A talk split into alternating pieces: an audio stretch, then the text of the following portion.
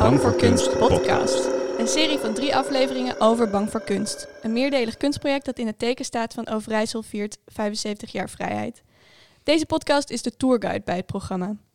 De titel Bang voor Kunst is afgeleid van de vele keren dat kunst verboden werd door politieke leiders omdat ze bang waren voor wat kunst te zeggen had. Zo ook in de Tweede Wereldoorlog. De nazi's gebruikten entartete kunst of ontaarde kunst uh, voor kunst die niet binnen hun ideologische kaders paste en ze zo af te keuren. Met Bang voor Kunst leggen we de parallellen met de kunst die toen verboden werd en de kunst die nu schuurt of tot ophef leidt. Dus wat kun je de komende weken verwachten? Wij maken je alvast warm voor het programma. We nemen je mee achter de schermen. Wie werken er namelijk nou eigenlijk aan dit project en wat hebben zij te vertellen? En tot slot duiken we dieper in op alle vragen die je hebt over kunst en politiek. Is kunst altijd politiek? Hoe kan kunst een bedreiging zijn? En wanneer gaat kunst te ver? Dit zijn vragen die centraal staan in Bang voor Kunst. Met deze podcast doen wij alvast een voorzetje op de programmaonderdelen. Maar wie hoor je nou eigenlijk?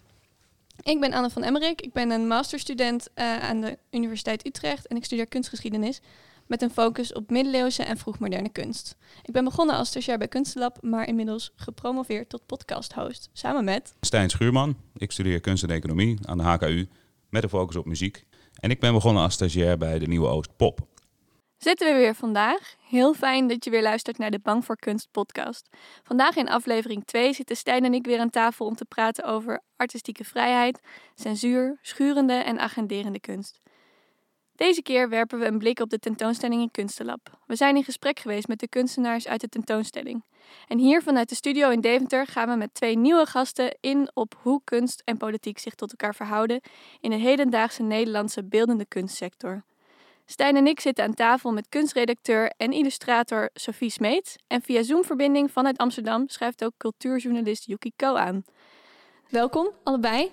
Leuk dat jullie er zijn. Dankjewel. Dankjewel. Yuki, jij werkt voor de VPRO en je maakt de podcast Naakt op een kleedje met Hesket en Katen over vrouwen in de kunst. Zowel afgebeeld als en als makers van. En je hebt samen met Co van het Hek Kunst kijken met Co Co. Een nieuwsbrief waarin je de lezers op een toegankelijke manier kennis laat maken met musea en kunst in binnen- en buitenland. Dus ik kan wel stellen, op dagelijkse basis zie je een heleboel kunst. Klopt dat? Ja, dat klopt. Maar helaas wel al veel te lang alleen maar op een scherm. Ja. Ja, wanneer is de laatste keer dat je een tentoonstelling bezocht hebt?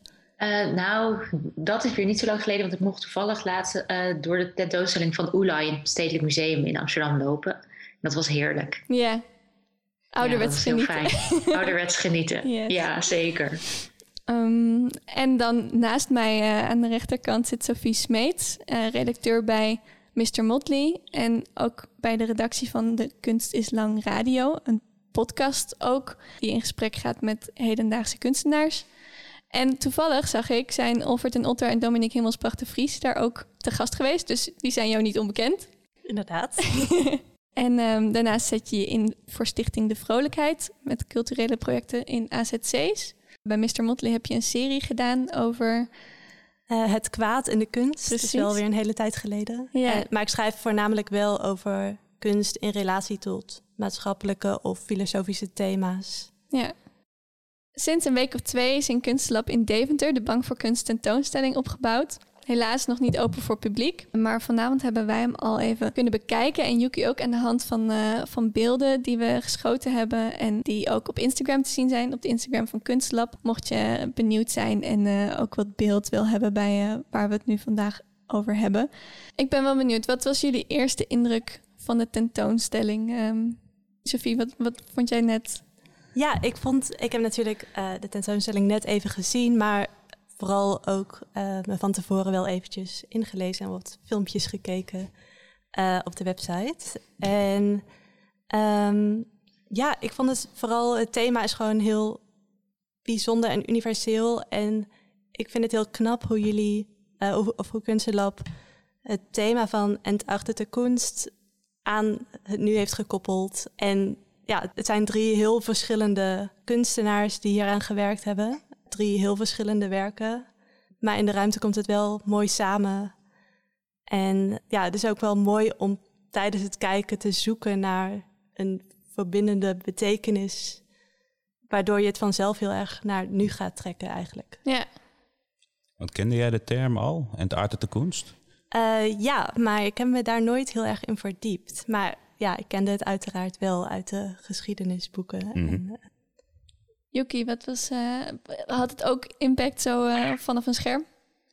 Ja, zeker. Ik denk ook omdat het qua thematiek natuurlijk gewoon heel, ja, heel intens is. En wat ik er bijzonder aan vind is dat jullie op een kunstlab op een hele toegankelijke wijze eigenlijk uh, ja, toch best wel een zwaar thema hebben weten te brengen. En zeker zoals wat Sofie ook al net zei, het heel erg naar het nu weten te trekken. En wat ik er ook wel schrijnend aan vind, is dat je, je zou 75 jaar lang jaarlijks nog steeds zo'n tentoonstelling kunnen maken. Ja, ja het is het, interessante aan, aan het hele programma Bang voor Kunst is dat het, nou, het is natuurlijk naar aanleiding van 75 jaar vrijheid. En ik denk dat we bij Bevrijdingsdag toch allemaal uh, vooral veel verkondigen hoe blij we zijn met ja, het vrije, tolerante land waarin we wonen. Um, uh, en er dan maar van uitgaan dat je hier. Ja, we zijn ook vrij. Uh, maar ik denk dat we toch zo gedurende het jaar, inderdaad elk jaar opnieuw, komen er toch best wel um, nou, af en toe wat dingen voorbij waarbij je je toch afvraagt. Kun je hier wel zomaar alles zeggen? Moet je dat vinden? En, en, en, en zijn we volledig vrij? En ik, ja, ik ben ook heel blij dat we dat kunnen aankaarten met, met het programma. Want ik denk dat heel veel mensen het echt wel voor lief nemen, ook uh, in, in Nederland. Dus ik ben blij dat jullie dat ook toegankelijk vinden. Want dat is toch ook een beetje de bedoeling wel. Dat, dat mensen ernaar gaan kijken en uh, dat de radertjes gaan draaien, zeg maar. ik denk dat we naar de fragmenten moeten. Um, op 5 mei, bevrijdingsdag, heb ik met Mieke Konijn, die in de vorige aflevering al te gast was en directeur is van het Kunstenlab, gesproken met de kunstenaars die exposeren in Bank voor Kunst. Het zijn Dominique Himmelsbach de Vries, Olver ten Otter en Wessel Westerveld. Laten we even luisteren naar een eerste fragment uit dat gesprek. Ik ben Dominique Himmelsbach de Vries. Ik maak uh, monumenten voor ongeschreven geschiedenissen en toekomsten. Doe guerrilla-interventies en soms ook gevraagd opdrachten in de publieke ruimte. Meest bekend van mij is het papieren monument voor de papierlozen. Een project waarin ik portretten van ongedocumenteerde vluchtelingen in houtsnedes maak. Met vluchtelingen, met kunstenaars. Die een grote totale afdruk en wild plakken in de publieke ruimte door heel Europa en, en voorbij de grenzen een groeiend monument. En in deze expositie zie je de Wilders Webwinkel. Het inventaris van de Wilders Webwinkel, die ik probeer te verkopen, de, de, de, de rechten van de webwinkel probeer ik te verkopen. De Wilders Webwinkel is een initiatief dat in 2012 waren er grote cultuurbezuinigingen in de kunst. Iedereen was aan het demonstreren tegen Geert Wilders. En ik dacht van, ja, maar die man die bereikt juist het volk. En wij als kunstenaars worden niet begrepen door het volk. Daar Daarom hebben zij op hem gestemd. Daarom, daarom zijn er zoveel anti-kunstsentimenten. Misschien moeten we in plaats van heel erg tegen hem zijn, moeten we hem gebruiken als brug om kunst weer bij het volk te brengen. En zo is een webwinkel met ja, hem totaal proberen dood te knuffelen. Van tuinkabouters tot beddengoed tot deurmatten, zeg het maar, we hebben het. Uh... En daarmee zijn we de eerste kunstenaars die positief door Bouwnet geportretteerd zijn. Een van de grootste stappen om het volk te bereiken uh, in, in 2012 die je kon uh, zetten. Olfert en Otter, schilder uit Rotterdam. Ik zat net even te bedenken dat het deze maand 40 jaar geleden is dat ik ben afgestudeerd aan uh, de Rotterdamse Kunstacademie, dus in 1981. Ja, al die tijd geschilderd met eitempera, al vrijwel vanaf het begin. Dat is een zeer oude techniek, maar ik hou me bezig met zeer alledaagse werkelijkheid. Van mijn leven, dat is in feite mijn onderwerp. Ik heb momenteel uh, mijn grootste tentoonstelling ooit in Museum Belvedere. Die heet dan ook Aarde en Wereld. Maar die is zoals alles nu al geruime tijd dicht. En, en wat is er dan te zien in Kunstlab zometeen voor de luisteraars? Ja, daar uh, is een kleine reeks uit mijn hele grote serie World Stress Paintings. Die omvat inmiddels 320 werken. En World Stress Paintings, dat zijn allemaal uh, schilderijen, allemaal 18 bij 26 centimeter met eitempera. En die hebben allemaal een element als onderwerp, aarde, water, vuur of lucht. Maar dan als catastrofe.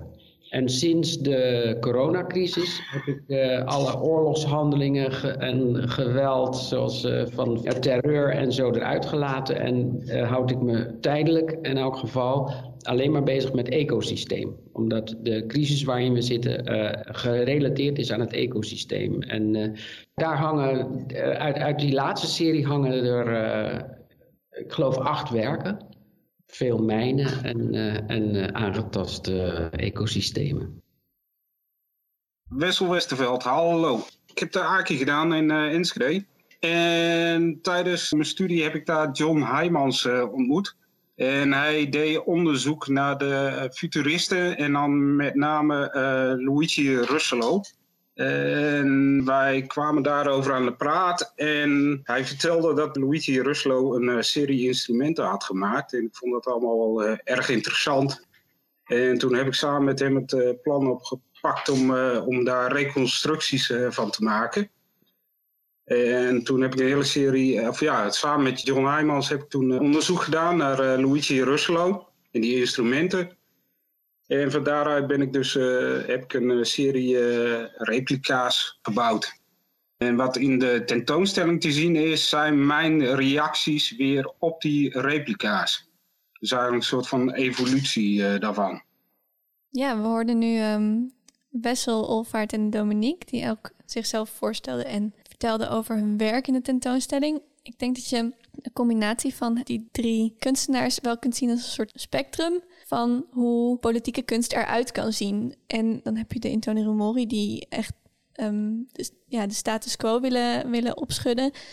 En Olvaart die in eerste instantie esthetische landschappen lijkt te schilderen... die eigenlijk uh, de catastrofes van de wereld aankaarten. En Dominique die um, op een satirische manier de actualiteit um, tentoonstelt. Een spiegel voorhoudt misschien ook. Vanuit jullie werk als nou, kunst analisten, kunstbeschouwers. Uh, waarvan zien we het meeste in de Nederlandse kunstsector, denken jullie? Als je het als een spectrum beschouwt. Dat is een moeilijke vraag. Ik denk dat veel kunst op een of andere manier ge geëngageerd is. Dus een, op een of andere laag een, een politieke. Uh, of dat er op een of andere manier een politieke laag aan zit. En ik denk dat dat vaak vrij subtiel is, gelaagd, Satire zie je natuurlijk ook veel, maar niet per se in de beeldende kunst aan zich, denk ik. Vaker misschien in cartoons of zo. Dat kan je natuurlijk ook kunst uh, noemen. Um, ja, ik denk dat het vaker wat gelaagder is misschien. Bij Olvaart is het natuurlijk wel weer super subtiel. Maar ja, wat denk jij hierover, Yuki? Nou, ik, ik ben het heel erg met je eens. Ik denk ook dat kunst ook ergens een hele mooie spiegel van de tijdgeest is. Dus dat ook de onderwerpen die op dat moment in de politiek spelen of in de maatschappij, dat je die ook bovengemiddeld vaak terugziet in bepaalde werken. Nu bijvoorbeeld, als je kijkt naar uh, politiek en kunst, zou je ook kunnen zeggen dat het feit dat vrouwen zo um, ondergerepresenteerd zijn in musea, dat dat nu een thema is wat je steeds vaker terugziet. Ik bedoel, dit is natuurlijk ook weer een tentoonstelling met drie mannen. Zeker, dat, ja. Um, wat, wat helemaal niet erg hoeft te zijn. Hè? Het is niet als kritiek bedoel. Maar dat, ik denk dat dat, wel, dat dat onderwerp wel een mooi voorbeeld is van... hé, hey, dat speelt nu heel erg in de maatschappij. Uh, finally, weet je, eindelijk, na ja. uh, eeuwen. Uh, en dat zie je ook terug in de kunst. En ik denk dat dat voor heel veel tendensen geldt. En, en, en dat als je het hebt over welke onderwerpen van, of welke soorten op dit spectrum komen het vaakst voor. Dan is het maar net wanneer je het vraagt en aan wie. Ja, Kunst is zo persoonlijk en zo tijds- en plaats- en, en gevoelsgebonden. Ja, maar je ziet inderdaad wel heel veel van uh, de emancipatiebewegingen op alle vlakken. Dat is nu gewoon heel erg. Dat speelt heel erg in de maatschappij. En uiteraard gaat de kunst daarmee in gesprek. Ja. Uh, en dat zie je nu gewoon heel veel terug.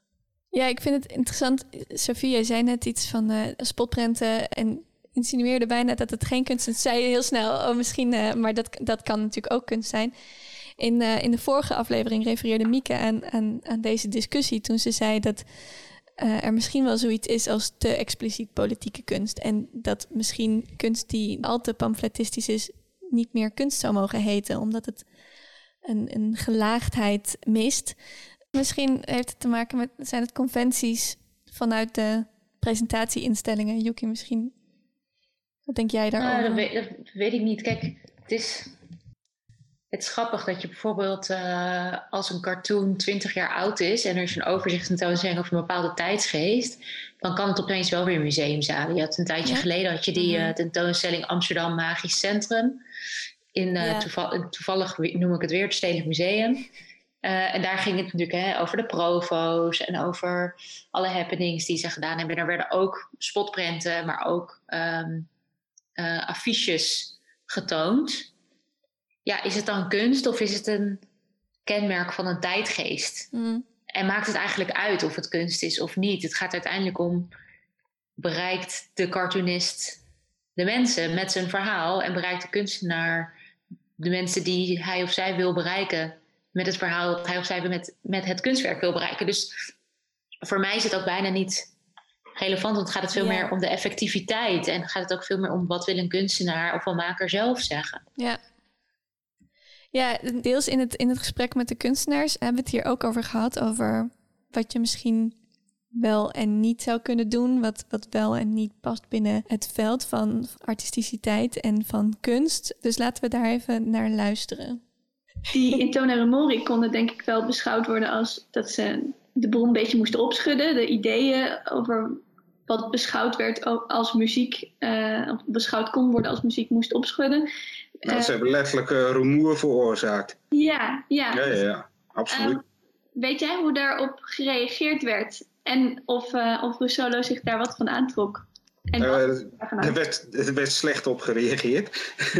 er zijn ook eh, posters van dat, eh, dat eh, gewoon eh, ja, tomaten uit het publiek naar, eh, naar het podium eh, gegooid werd. En eh, dat soort dingen. Ja, Ja. ja zeker. Zijn- Werden die apparaten ook aangevallen? Dat weet ik niet. Maar eh, eh, nee, eh, het, het werd niet goed ontvangen. En het mooie vind ik wel, dat het, eh, weet je, als je het nu presenteert, dan wordt het gewoon veel beter begrepen dan toen. We zijn wat dat betreft wel heel anders naar muziek en, en kunst gaan kijken. En ik denk dat dat honderd jaar geleden al wel is veroorzaakt door, de, door die Intona Rumuri onder andere. Nou, eh, daar zijn denk ik een paar dingen over te zeggen. In principe zijn wij natuurlijk eh, absoluut vrij om te doen en te laten wat we willen. Maar goed, ik, ik eh, schilder al heel lang figuratief. Nu is dat volstrekt normaal. Maar eh, dat is nog helemaal niet zo lang geleden dat dat helemaal niet normaal was. En dat het gewoon als teken werd gezien dat ik niet mee kon.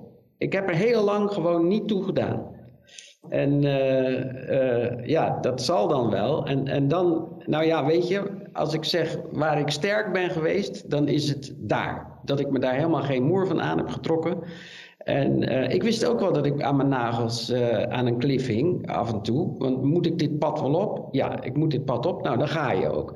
En of dat nou gewaardeerd wordt of niet, het is heel lang eh, nauwelijks of niet gewaardeerd. En nu word ik op, op mijn schouders geraamheid. En bij wijze van spreken moet me dat net zo min wat doen als absolute afwijzing of, of het eh, negeren wat mij eerder is overkomen. Maar dat soort dingen zijn er wel. Hè? Dus er zijn onuitgesproken dingen van wat je moet doen of wat je moet nalaten. Eh, dat is de ene kant. Aan de andere kant hebben we nu ook eh, in de Tweede Kamer een eh, volksvertegenwoordiger die exact weet wat voor kunst wel en wat voor kunst niet goed zou zijn voor de mensen. En dat neem ik absoluut au serieus. Dat het bestaat, dat hij, hij- mag het zeggen. Ik vind het eh, afschuwelijke dingen, maar het recht om dingen te zeggen, dat is bijna onaantastbaar. Maar daar zie ik een absoluut gevaar. Voor de context denk ik, Baudet heeft een aantal uitspraken gedaan over wat hij vindt dat kunst zou moeten zijn. En vooral wat kunst niet is. Namelijk eh, over het algemeen toch alles in de hoek van, van moderne kunst, moderne architectuur. En het idee van hem daarachter is geloof ik dat het eh, een, een aanklacht is tegen de Nederlandse identiteit. Ehm, en, en recentelijk nog, eh, een paar dagen voor 5 mei, heeft hij een poster uitgebracht met Forum voor Democratie. Eh, waarin hij suggereert dat de vrijheid gestorven is in 2020 met de eh, restricties rondom de coronapandemie. En er was nogal wat om te doen natuurlijk. Mensen eh, vonden dat zeer ongepast. En toen was zijn reactie erop: hoezo zou ik dat niet mogen doen? Want de oorlog en vooral de bevrijding wordt steeds gepolitiseerd door mijn politieke tegenstanders om Europese machtsfantasieën en moderne kunst te pushen.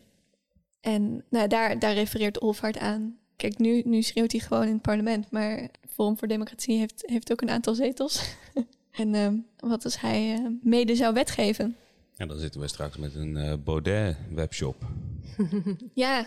Ja, maar ik bedoel, laten we eerlijk zijn. Uh, stel hij zou regeren, dan zou er niet ook zo heel veel veranderen. Want er regeert al iemand die ook niet zo heel erg veel van kunst houdt.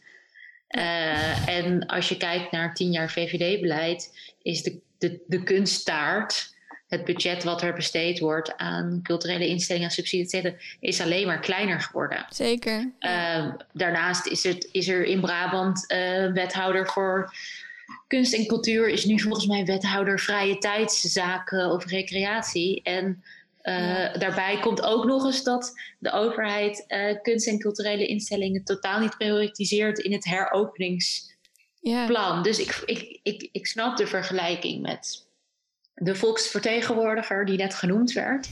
maar ja, zou het nou zoveel erger zijn? Ja, nou ja, ik, ik geloof... Laat me ervoor opstaan dat ik totaal geen fan van hem ben. Nee. Laat dat duidelijk zijn.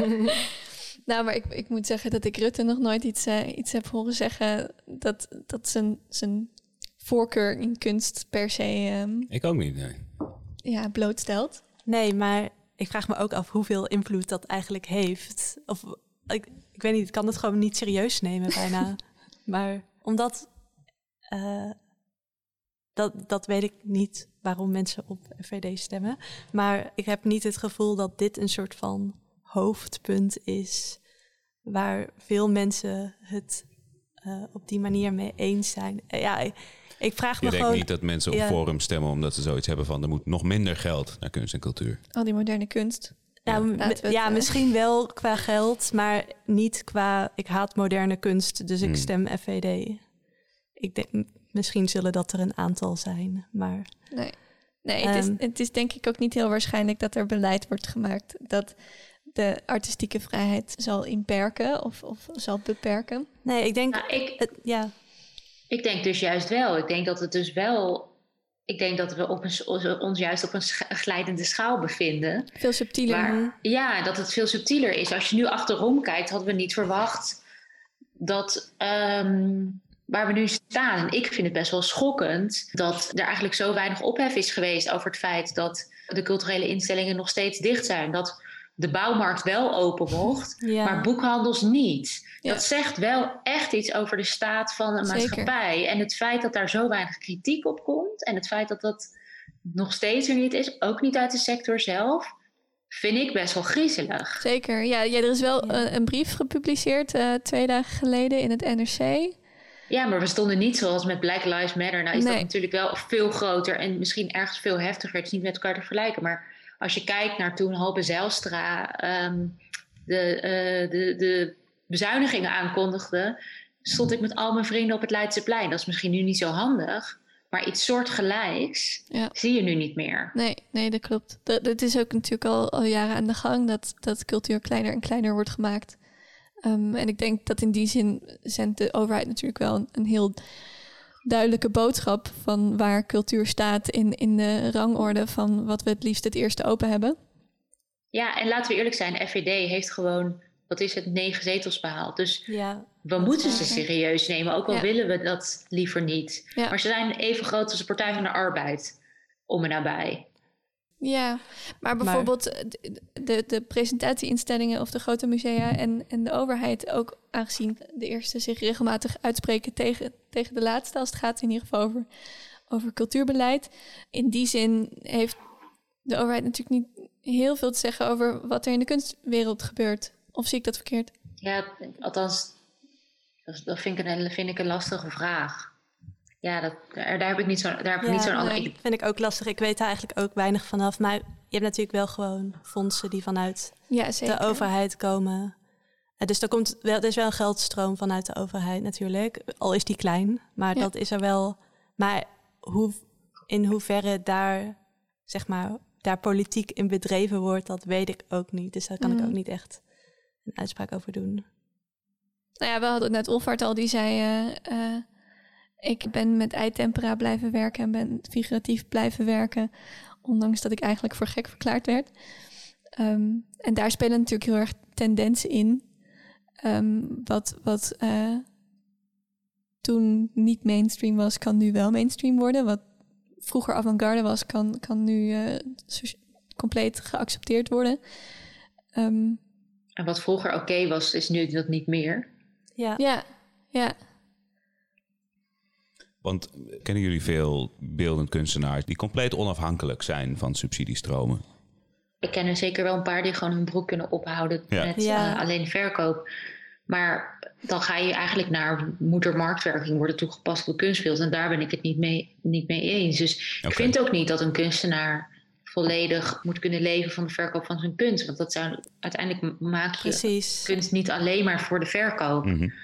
Maar om iets te zeggen over de maatschappij en over, en ja, weet je, klassiek verhaal van Gogh was in zijn tijd. eh, ja, had hij, er, had hij er ook niet van kunnen leven. Mm. Nu wel. Nee, maar als je het hebt inderdaad ook over, over bezuinigingen in, in de cultuur. Daar is in de afgelopen jaren, eh, misschien wel decennia, zeker wel wat gebeurd. Het is denk ik wel veel belangrijker geworden om je te vermarkten als kunstenaar. En waar je misschien eerst wat meer vrijblijvend subsidie kon krijgen om te maken. En ongeacht wat er dan uitkwam, is het tegenwoordig zeker wel belangrijk dat je je relevantie kunt aantonen. Dat het bijvoorbeeld. Ja, dat het meetbaar is. Ja, Mhm. ja, zeker. Ja, je krijgt, er wordt minder subsidie verstrekt en, en, en er wordt selectiever subsidie verstrekt. En daarin zit denk ik, ja, onbedoeld misschien, zitten echt wel eh, eh, conventies en opvattingen over wat Nederland nodig zou hebben aan kunst. Maar eh Yuki, je zegt meetbaar als in de impact ervan dan? Nou, ik denk, de, ik, ja, het is altijd lastig te meten, maar ik denk wel dat er strakker wordt gekeken of je de beloftes die je maakt op het moment dat je aanvraagt, of je die ook daadwerkelijk nakomt. Ja, ja oké. Ja, op die manier. Oké. Zullen we nog een fragment beluisteren? Ja, laten we dat doen. We hebben het nu over ehm, kunst die misschien beperkt zou worden, of, of kunst die reageert op de politiek. Ehm, maar dat is niet altijd het geval. Kunst kan ook ingezet worden door de politiek. Ehm, en daar had Olvaart eh, wel wat interessants over te zeggen. Ik weet niet of jullie dat weten, maar bijvoorbeeld Jackson Pollock heeft, eh, heeft geld ontvangen destijds van de CIA. Is, Ja. is jullie dat bekend? Nee. Eh, nee. Ehm, na de oorlog, toen de Amerikanen eh, zeer manifest in, in Europa aanwezig waren, ook met een krijgsmacht, heeft de CIA eh, de moderne Amerikaanse kunstenaars gebruikt om het moderne leven te implementeren in Europa. Het moderne kunst gebruikt als een voertuig om te laten zien, dit is vrijheid. En daar is gewoon geld naartoe gegaan, ook naar individuele kunstenaars. En dat is allemaal na te lezen. Ik bedoel, daar, zijn, eh, er zijn, daar is studie naar gedaan. En eh, dus we kunnen wel zeggen, en dat is heel terecht, ik maak me enorme zorgen om Baudet. Maar eh, ook de liberale westerse maatschappij heeft kunst ingezet. Dus kunst kan heel makkelijk ook een machtsmiddel worden. Dus je moet eigenlijk altijd controversieel kunnen zijn. Je moet altijd de punker kunnen zijn. Je moet altijd tegen de macht kunnen acteren. Altijd, of die nou links of rechts is. Ik wou nog wel even toevoegen aan wat je zei over Jackson Pollock. Niet alleen heeft Jackson Pollock geld gekregen, maar er was voor dat abstract expressionisme had je heel veel sociaal engagement in de kunsten. Kijk naar al die wederopbouwgebouwen met een soort van sociale taferelen erop en reliefs. En dat abstract expressionisme pushen was ook een nieuwe trend zetten om af te rekenen met dat socialisme binnen de kunsten. En daarbij is ook nog eens toe te voegen dat, wat is het, Documenta in Kessel? Krassen. Eh, dat is Documenta, toch? Ja. Dat lag naast de Oost-Duitse grens en kreeg ook geld van de CIA. Gewoon om vrij geluid via de radio over die grens te laten waaien. Dus dat kunst en macht hand in hand gaat, en vooral veel geld, kunst en macht, dat is zo obvious. Ja, interessant fragment. Ik had echt geen idee over dat abstract expressionisme zo blijkbaar gepusht is door de overheid. Ik zou daar wel graag iets meer over willen lezen Nee. morgen.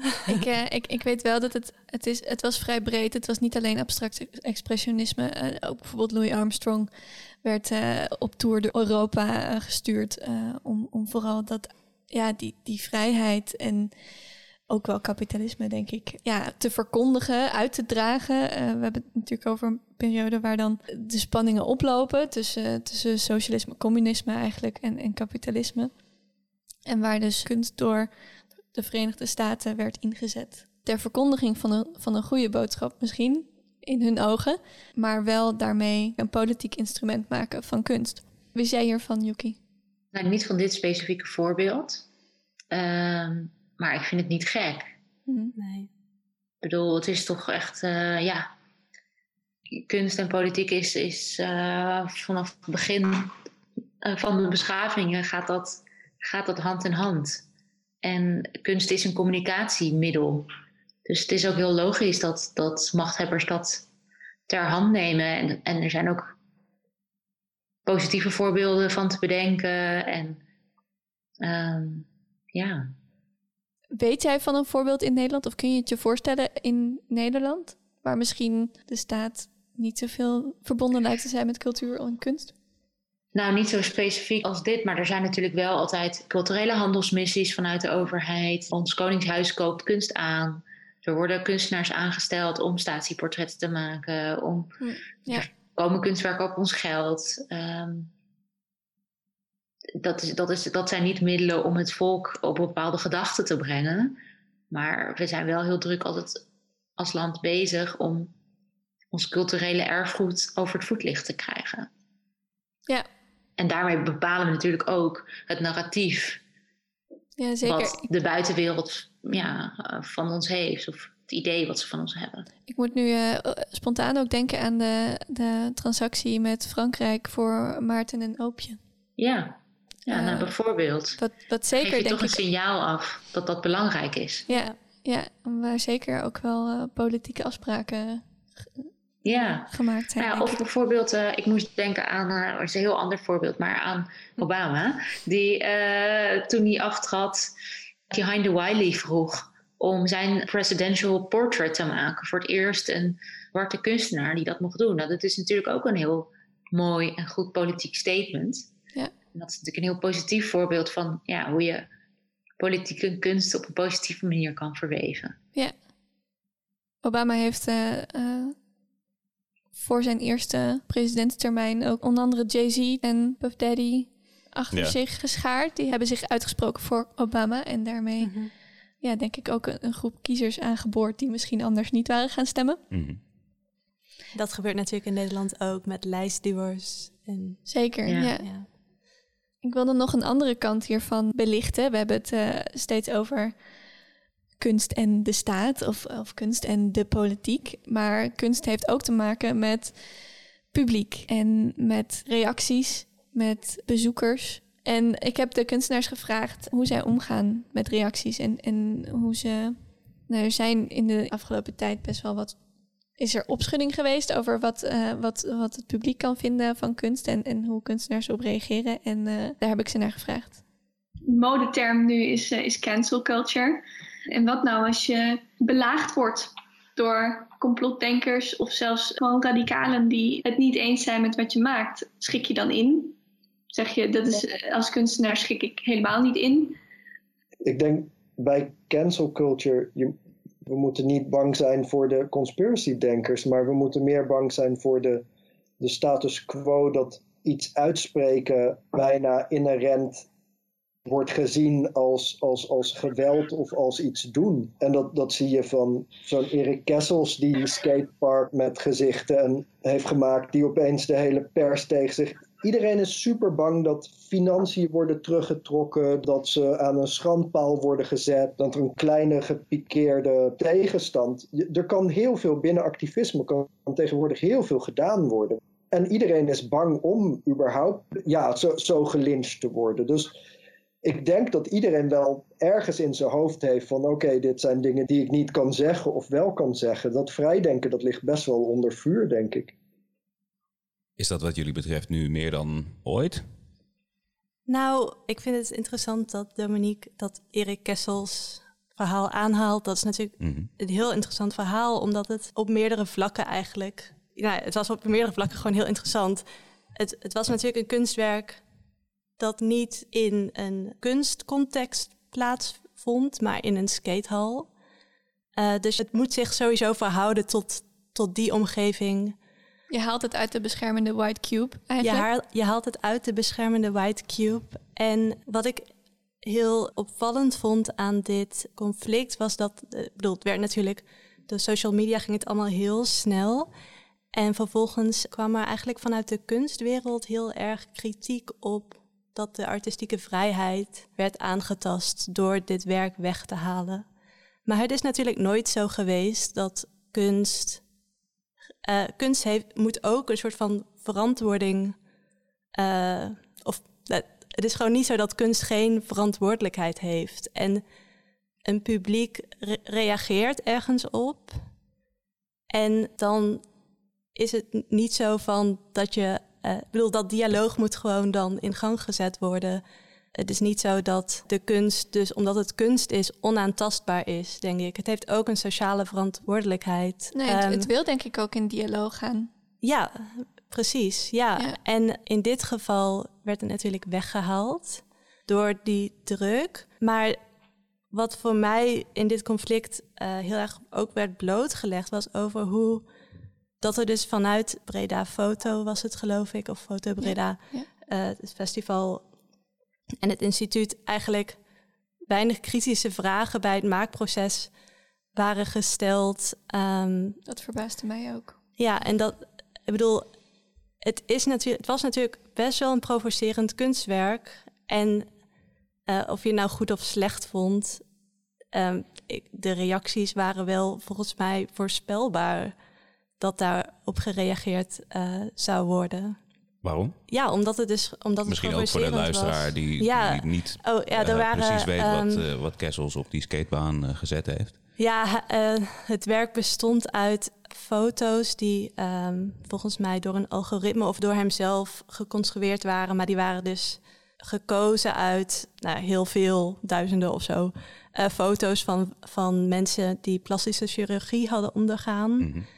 En dat waren, volgens Kessels had hij foto's van mannen en vrouwen gebruikt. Maar uiteindelijk waren het allemaal vrouwen op die foto's. En die werden op een soort van stickers eh, heel groot op de vloer van het skatepark in Breda geplakt. En wanneer je ergens overheen skate, dan krijg je natuurlijk krassen en dan vervaagt die foto. En gaat er nog een extra laag van beschadiging overheen, was zijn redenatie. eh, en was zijn uitleg bij het werk. En de titel was? En de titel was Destroy My Face.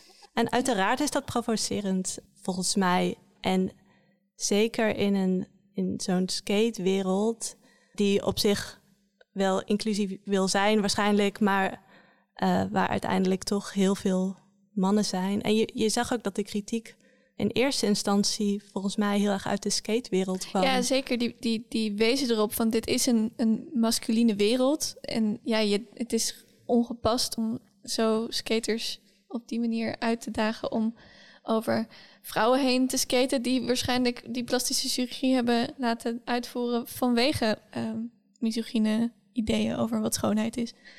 Ehm, nee, ik ben, ik ben het met je eens. Die, die kritiek, het verbaast me dat niemand even heeft gezegd, goh, moet dit zo? Ja, het is, ja, het is een lastig onderwerp. En ik, ik snap dat er ook veel mensen zeiden van... nu wordt deze kunstenaar helemaal door het slijk gehaald. Maar de kritiek was uiteindelijk ook vooral gericht op het instituut... en op een soort van...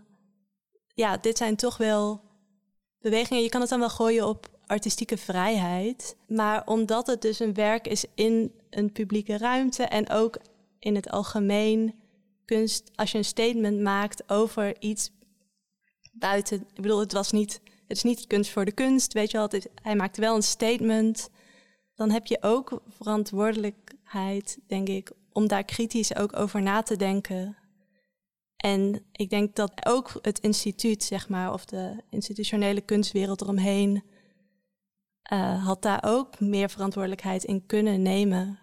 En ik geloof dat daar die kritiek ook heel erg op gericht was. Ehm, Ja, en ik denk dat dat ook gewoon kunst eh, op een moment dat het dus iets aankaart of, of dat het dan ook verantwoordelijkheid heeft of draagt. Ja. Maar is het daar dan niet, niet een stuk gelopen dat het gewoon is weggehaald en dat het niet die dialoog verder aanging? Is publieke opinie hoeft misschien helemaal geen probleem te zijn, ook als het negatief is, als maar het gesprek gaande blijft. Ja, misschien wel hoor. Ik, ik vind eigenlijk, ik sluit me wel aan bij wat Sofie eerder zei van het was al veel eerder in het proces misgegaan. Mm. Ja. En ik denk dat als, uh, als een organisatie uh, die vragen had, als Breda Foto die vragen had gesteld. Uh, en Erik Kessels en de directie van Breda Foto waren uitgekomen op een logisch antwoord, waardoor het te verantwoorden was om het toch te laten zien. Dan is het interessant om als er een shitstorm komt, het te laten staan en dialoog aan te gaan. Maar op het moment dat je er als directie je handen van aftrekt, ja, met wie heb ik dan nog een dialoog? Ja. Want dat is eigenlijk dan, dan het is alsof je een discussie hebt met iemand die de hele tijd zegt: Oh, neem het toch terug. Oh nee, ja, je hebt gelijk, neem het toch terug. Ja, ja, ja. Dat, daar, dat, is, dat is geen dialoog. Terwijl, hoe vet als je juist.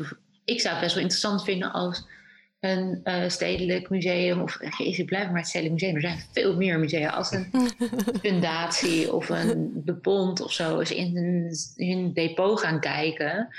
En misschien zitten daar wel omstreden makers in. En dat je dat tentoonstelt en dan de dialoog aangaat ja. met je publiek. Dat vind ik veel spannender dan gewoon, um, laten we ook eerlijk zijn, ja, ik vond het van Erik Kessels, het was ook gewoon een beetje een makkelijk werk, kom aan. Mm. Het ook, ja, ja. ja, en het is natuurlijk ook een soort van, want je kunt dan wel zeggen van, het, het is uit uh, van foto's van, van mannen en vrouwen ontstaan, maar als er uiteindelijk alleen vrouwen op staan, dan maakt het selectieproces niet uit. Dan, ja, dan gaat het toch ook over uh, schoonheidsidealen ja. uh, Ja. onder vrouwen. En dat is, nou, dat, dat is gewoon best wel een lastig onderwerp om als man een kunstwerk over te maken. Als je dan niet reflecteert op waar komen die idealen eigenlijk vandaan? Waarom doen mensen dit? Want daar werd niet. Ja, het gaat natuurlijk meer om wat er gebeurde met de reacties en hoe daarmee werd omgegaan. Ja, wat misschien nog wel interessant is, wat ik opmerkte in wat Dominique zei. Dominique, uh, Dominique's kunst schuurt misschien wel aan ook tegen het activistische. En hij heeft het over activisten die kunst of kunstuitingen bekritiseren. En dat dat best wel hard aan toe kan gaan. Terwijl activistische kunst er ook best wel hard aan toe kan gaan. Kan ook best wel schuren. En ik geloof, ik geloof dat dat ook... Nou, dat zegt men ook. Kunst mag ook schuren. Activisme mag denk ik ook schuren, want dat is het hele punt. Ja, dat is wat ik eerder eigenlijk ook al een beetje aankaartte. Maar ik denk dus wel dat er in activisme andere regels gelden. Of, of misschien, ja, bijvoorbeeld... Dit is ook een super interessant voorbeeld, maar ergens dit jaar heeft Tinkerbell, of volgens mij in 2020 heeft Tinkerbell een uh, videowerk uitgebracht.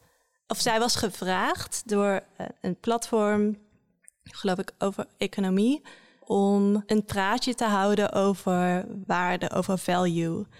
En zij dacht, ik wil iets doen over menselijke waarden, maar ik ben niet de aangewezen persoon om dit te doen. En toen is zij naar Lesbos gegaan om daar in het vluchtelingenkamp een jongen van, ik denk een jaar of tien of zo, een tekst in te spreken voor dat publiek. En nou, Tinkerbell maakt over het algemeen heel provocerende kunst. En aan het einde was er dus een soort van prijsvraag waarbij je een meet and greet met deze jongen kon winnen op Lesbos. Maar het is natuurlijk best wel een. Uh, het, het, ik bedoel, de uitvoering. Zij uh, zag dit waarschijnlijk als een soort van kunstwerk. Een performance. Uh, een beetje absurdistisch natuurlijk. Um, maar als je kijkt naar een activistische kant hiervan, was het super problematisch. Want deze jongen uh, sprak niet zijn eigen woorden in, maar las duidelijk een briefje voor dat zij, denk ik, geschreven had. En um, tenminste, het was veel te ingewikkeld Engels uh, voor zo'n jongen. Hij werd en, daarmee een soort vehikel eigenlijk. Precies, ja. Hij werd, hij, het, wa het was niet zijn eigen mm -hmm. uh, ding. Dus het was, waren alsnog haar woorden en het was, hij werd er niet voor betaald. Zij wel, het was een opdracht natuurlijk. En die prijsvraag daarna was natuurlijk al helemaal best wel absurd. Oh, en er waren ook geen rechten aangevraagd van die toestemming.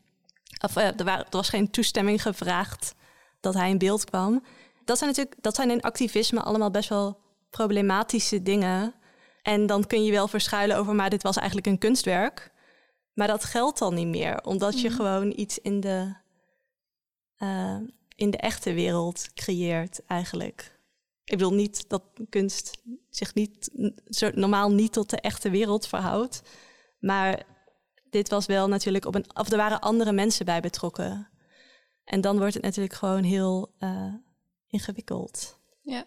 Ik vind het wel interessant dat je zegt, het gaat over iets uit de echte wereld. eh, Want het is geen reflectie, het is, het is bijna voyeuristisch, omdat hij niet weet wat er gebeurt Ja. met wat er van hem gevraagd wordt. Ja, precies. En die meet and greet, heeft die plaatsgevonden? Of was dat... Ehm, daar, dat, daar heb ik eh, geen idee van. Maar wat ook problematisch is, is dat dus inderdaad je denkt van dit... Want volgens mij, dan vul ik natuurlijk ook in voor de kunstenaar... maar ik denk dat Tinkerbell's doel is om een gesprek op gang te zetten... mensen te chockeren natuurlijk... en een soort van te laten realiseren wie die mensen zijn... en, en dat mensen daardoor gechoqueerd zijn... en daardoor gaan nadenken of maar wat dan logisch is daarna, is gewoon ook een gesprek aangaan met deze mensen. Maar dat bleef dus uit. En negatieve reacties werden verwijderd. En er werd daarna, geloof ik, redelijk problematisch ook mee omgegaan door het platform dat, dat haar de opdracht had gegeven. Dus dat is natuurlijk wel ja, die vervolgstap. Weet ja, je wel? zit duidelijk wat Ja. in, in dat dialoog. Waar we denk ik als kunst- en cultuursector ons ja, misschien wel op de schouders kloppen dat we zo goed zijn in het voeren van dialoog. Of het vertalen van de dingen die we zien. Mhm. Maar ja, dat dan ook echt toepassen, dat, dat blijft een beetje uit. Nou, niet overal, Bedoel je denk dan- ik. Maar Bedoel je dat, dat je dat je vindt dat, het, dat er geen goede dialogen plaatsvinden? Of wat bedoel je precies? Nou, het, het klinkt nu met, eh, met een stuk of drie voorbeelden die we nu hebben gehad, alsof het inderdaad een beetje stuk is gelopen op, op het dialoog. Eh, want ik denk dat we het met elkaar eens zijn dat je moet kunnen provoceren, moet kunnen schuren en, en dat je ook fouten moet kunnen maken daarin. Maar dat is op het moment dat dat gebeurt, of dat iets niet landt zoals je hoopt dat het En landt. dat iemand je daarop aanspreekt ook vooral. Hè? Dat, dat iemand eh, reageert op je werk en je, je wijst op dat er iets niet klopt of dat er iets niet kan. Dan zou er een soort heen en weer plaats moeten vinden waar, waaruit beide partijen leren. Ja, maar ik denk ook wel, ik denk dat dat ook wel gebeurt hoor. Ik bedoel, er zijn Ja, ook, er zijn denk ik ook heel veel. Ik denk dat, dat juist de Nederlandse kunstwereld en zeker bij heel veel Mhm. pres- presentatieinstellingen zoveel debatten worden georganiseerd, Mhm. er zoveel randprogrammering is dat dat dialoog juist heel goed plaatsvindt. Maar het- Mhm. helaas is ook hoe de media werkt, dat de plekken waar het misgaat, die krijgen de aandacht. Mhm. ja, En het is natuurlijk gewoon, zoals Sofie al zei, het is gewoon zo genuanceerd. Ja. Dat die nuance in een headline overbrengen, ja, dat, dat verlies je altijd. Dus Erik Kessels krijgt de aandacht, maar misschien niet dat werk wat wel heel mooi de dialoog aangaat met Ja. het publiek. Precies. Ja. Nee, ik ben het daar ook helemaal mee eens. Het, ik denk dat het ook eh, veel korter door de bocht gezegd is dat, het, dat dat is waar de kunstwereld op stuk loopt. Want het gebeurt juist wel heel veel. En inderdaad, het- er zijn voorbeelden waarbij het niet gebeurt. En ik denk dat het gaat natuurlijk over cancel culture in, bij, eh, waar Dominique het over heeft in het fragment. En ik, ja, dat is ook een debat, weet je wel. Dat is ook Mhm. belangrijk om te voeren. En ja, ik vraag me af of je dat kan zien als censuur of dat misschien een niet kunst- letterlijke censuur, maar Nee. misschien wel zelfcensuur. Misschien dat, ehm, dat, dat Ja, maar je kunt het ook zien als een kunstenaar moet ook zijn verantwoordelijkheid, zijn sociale verantwoordelijkheid nemen op het moment dat je politiek geëngageerd werk maakt. Ja, kunstenaar zijn is geen vrijbrief. Je bent blijft Nee. nog steeds een mens die onderdeel ja. is van de maatschappij. Precies. En vrijheid van meningsuiting is natuurlijk een grondrecht, maar daar zitten ook allerlei voorwaarden aan. Eigenlijk, je mag niet discrimineren, je mag niet kwetsen. beledigen. Ja, Mhm. en dat is ook belangrijk, weet je wel? Ja. Zeker. is denk ik ook iets wat, wat ehm, toch ook al een, een thema is geweest. Nu gedurende de coronapandemie. Uh, de vrijheid van mij kan niet ten koste gaan van de vrijheid van een ander. En dus ook in vrijheid van meningsuiting. Uh, mm -hmm. Je mag een heleboel zeggen, um, maar je bent wel verantwoordelijk voor wat je zegt. En ook al zou je in theorie alles mogen zeggen, is het nog niet nodig om alles te zeggen, misschien ook. Het gesprek heeft alweer laten zien hoe ingewikkeld dit is en hoe veel kanten eraan zitten, hoe het ook echt niet zwart-wit is. Je kunt niet uh, zeggen dit mag wel, dit mag niet. Uh, de een perkt de ander in. Um, uh, en kunst en politiek zijn altijd negatief aan elkaar verbonden. Um, ja, het is, het is super gelaagd en we hebben denk ik weer, weer een extra tipje van de sluier kunnen oplichten. Dus heel veel dank daarvoor, voor jullie aanwezigheid bij, bij dit gesprek. Om nog even een recap te geven van het programma. Op 19 mei vindt er een panelgesprek plaats over artistieke vrijheid in het schrijven van hip-hop teksten. Over de impact die drillrap heeft op de samenleving en hoe daarmee om te gaan. Om 8 uur. En dat is een livestream. En uh, op 30 mei vindt er een demonstratie plaats van Wessel Westerveld en de krachtvormers, waarbij ze ons laten horen hoe de intone rumori klinken en de variaties van Wessel klinken. Hij zal ook een korte toelichting daarbij geven en ons meer uitleggen over wat voor apparaten dat precies zijn. Nogmaals, je kunt de tentoonstelling voor nu nog even alleen maar online bekijken. Onder andere op de Instagram van Kunstlab. En op 13 mei zal Jonas Staal een lezing geven in het Kunstlab. Vooralsnog ook nog even online, waarschijnlijk als livestream. Waarin hij ook zijn licht schijnt op het thema. Ik denk dat we daar alleen maar nog wijzer van kunnen worden. nog meer en op. Um, uh, nuances kunnen ontdekken. Uh, nog meer vragen zullen opwerpen. Ik denk niet dat we er heel veel gaan beantwoorden. Voordat je afsluit, we hebben het in ieder geval aan Sophie beloofd. Maar aan Yuki zou ik het ook willen vragen. Willen jullie nog iets pluggen? Want jij schrijft. Uh, jij ook. Je maakt ook podcasts, Yuki. Waar, waar, kunnen we jullie vinden? Oh, nou, uh, je kan mij op Instagram vinden, at YukiCo. Mm -hmm. En Co is Karel Hendrik Otto. En, uh, en ik maak ook een podcast, inderdaad, naakt op een kleedje. Over vrouwelijke kunstenaars. Want er zijn er superveel van, maar die zien we veel te weinig. Mooi. Um, je kunt mijn uh, artikelen vinden op de website van Mr. Motley. Dat is mrmotley.nl. En uh, mijn Instagram is Sophie en dan twee lage streepjes Smeets. Waar we ook werk van jou kunnen vinden. Ja, zeker. Ja. Dus ga het allemaal bekijken. Dank voor het luisteren. Dank voor jullie aanwezigheid nogmaals. Dank Stijn hm. dat je er weer bij bent. Ja, ook bedankt Anne. En uh, tot de volgende. Tot de volgende.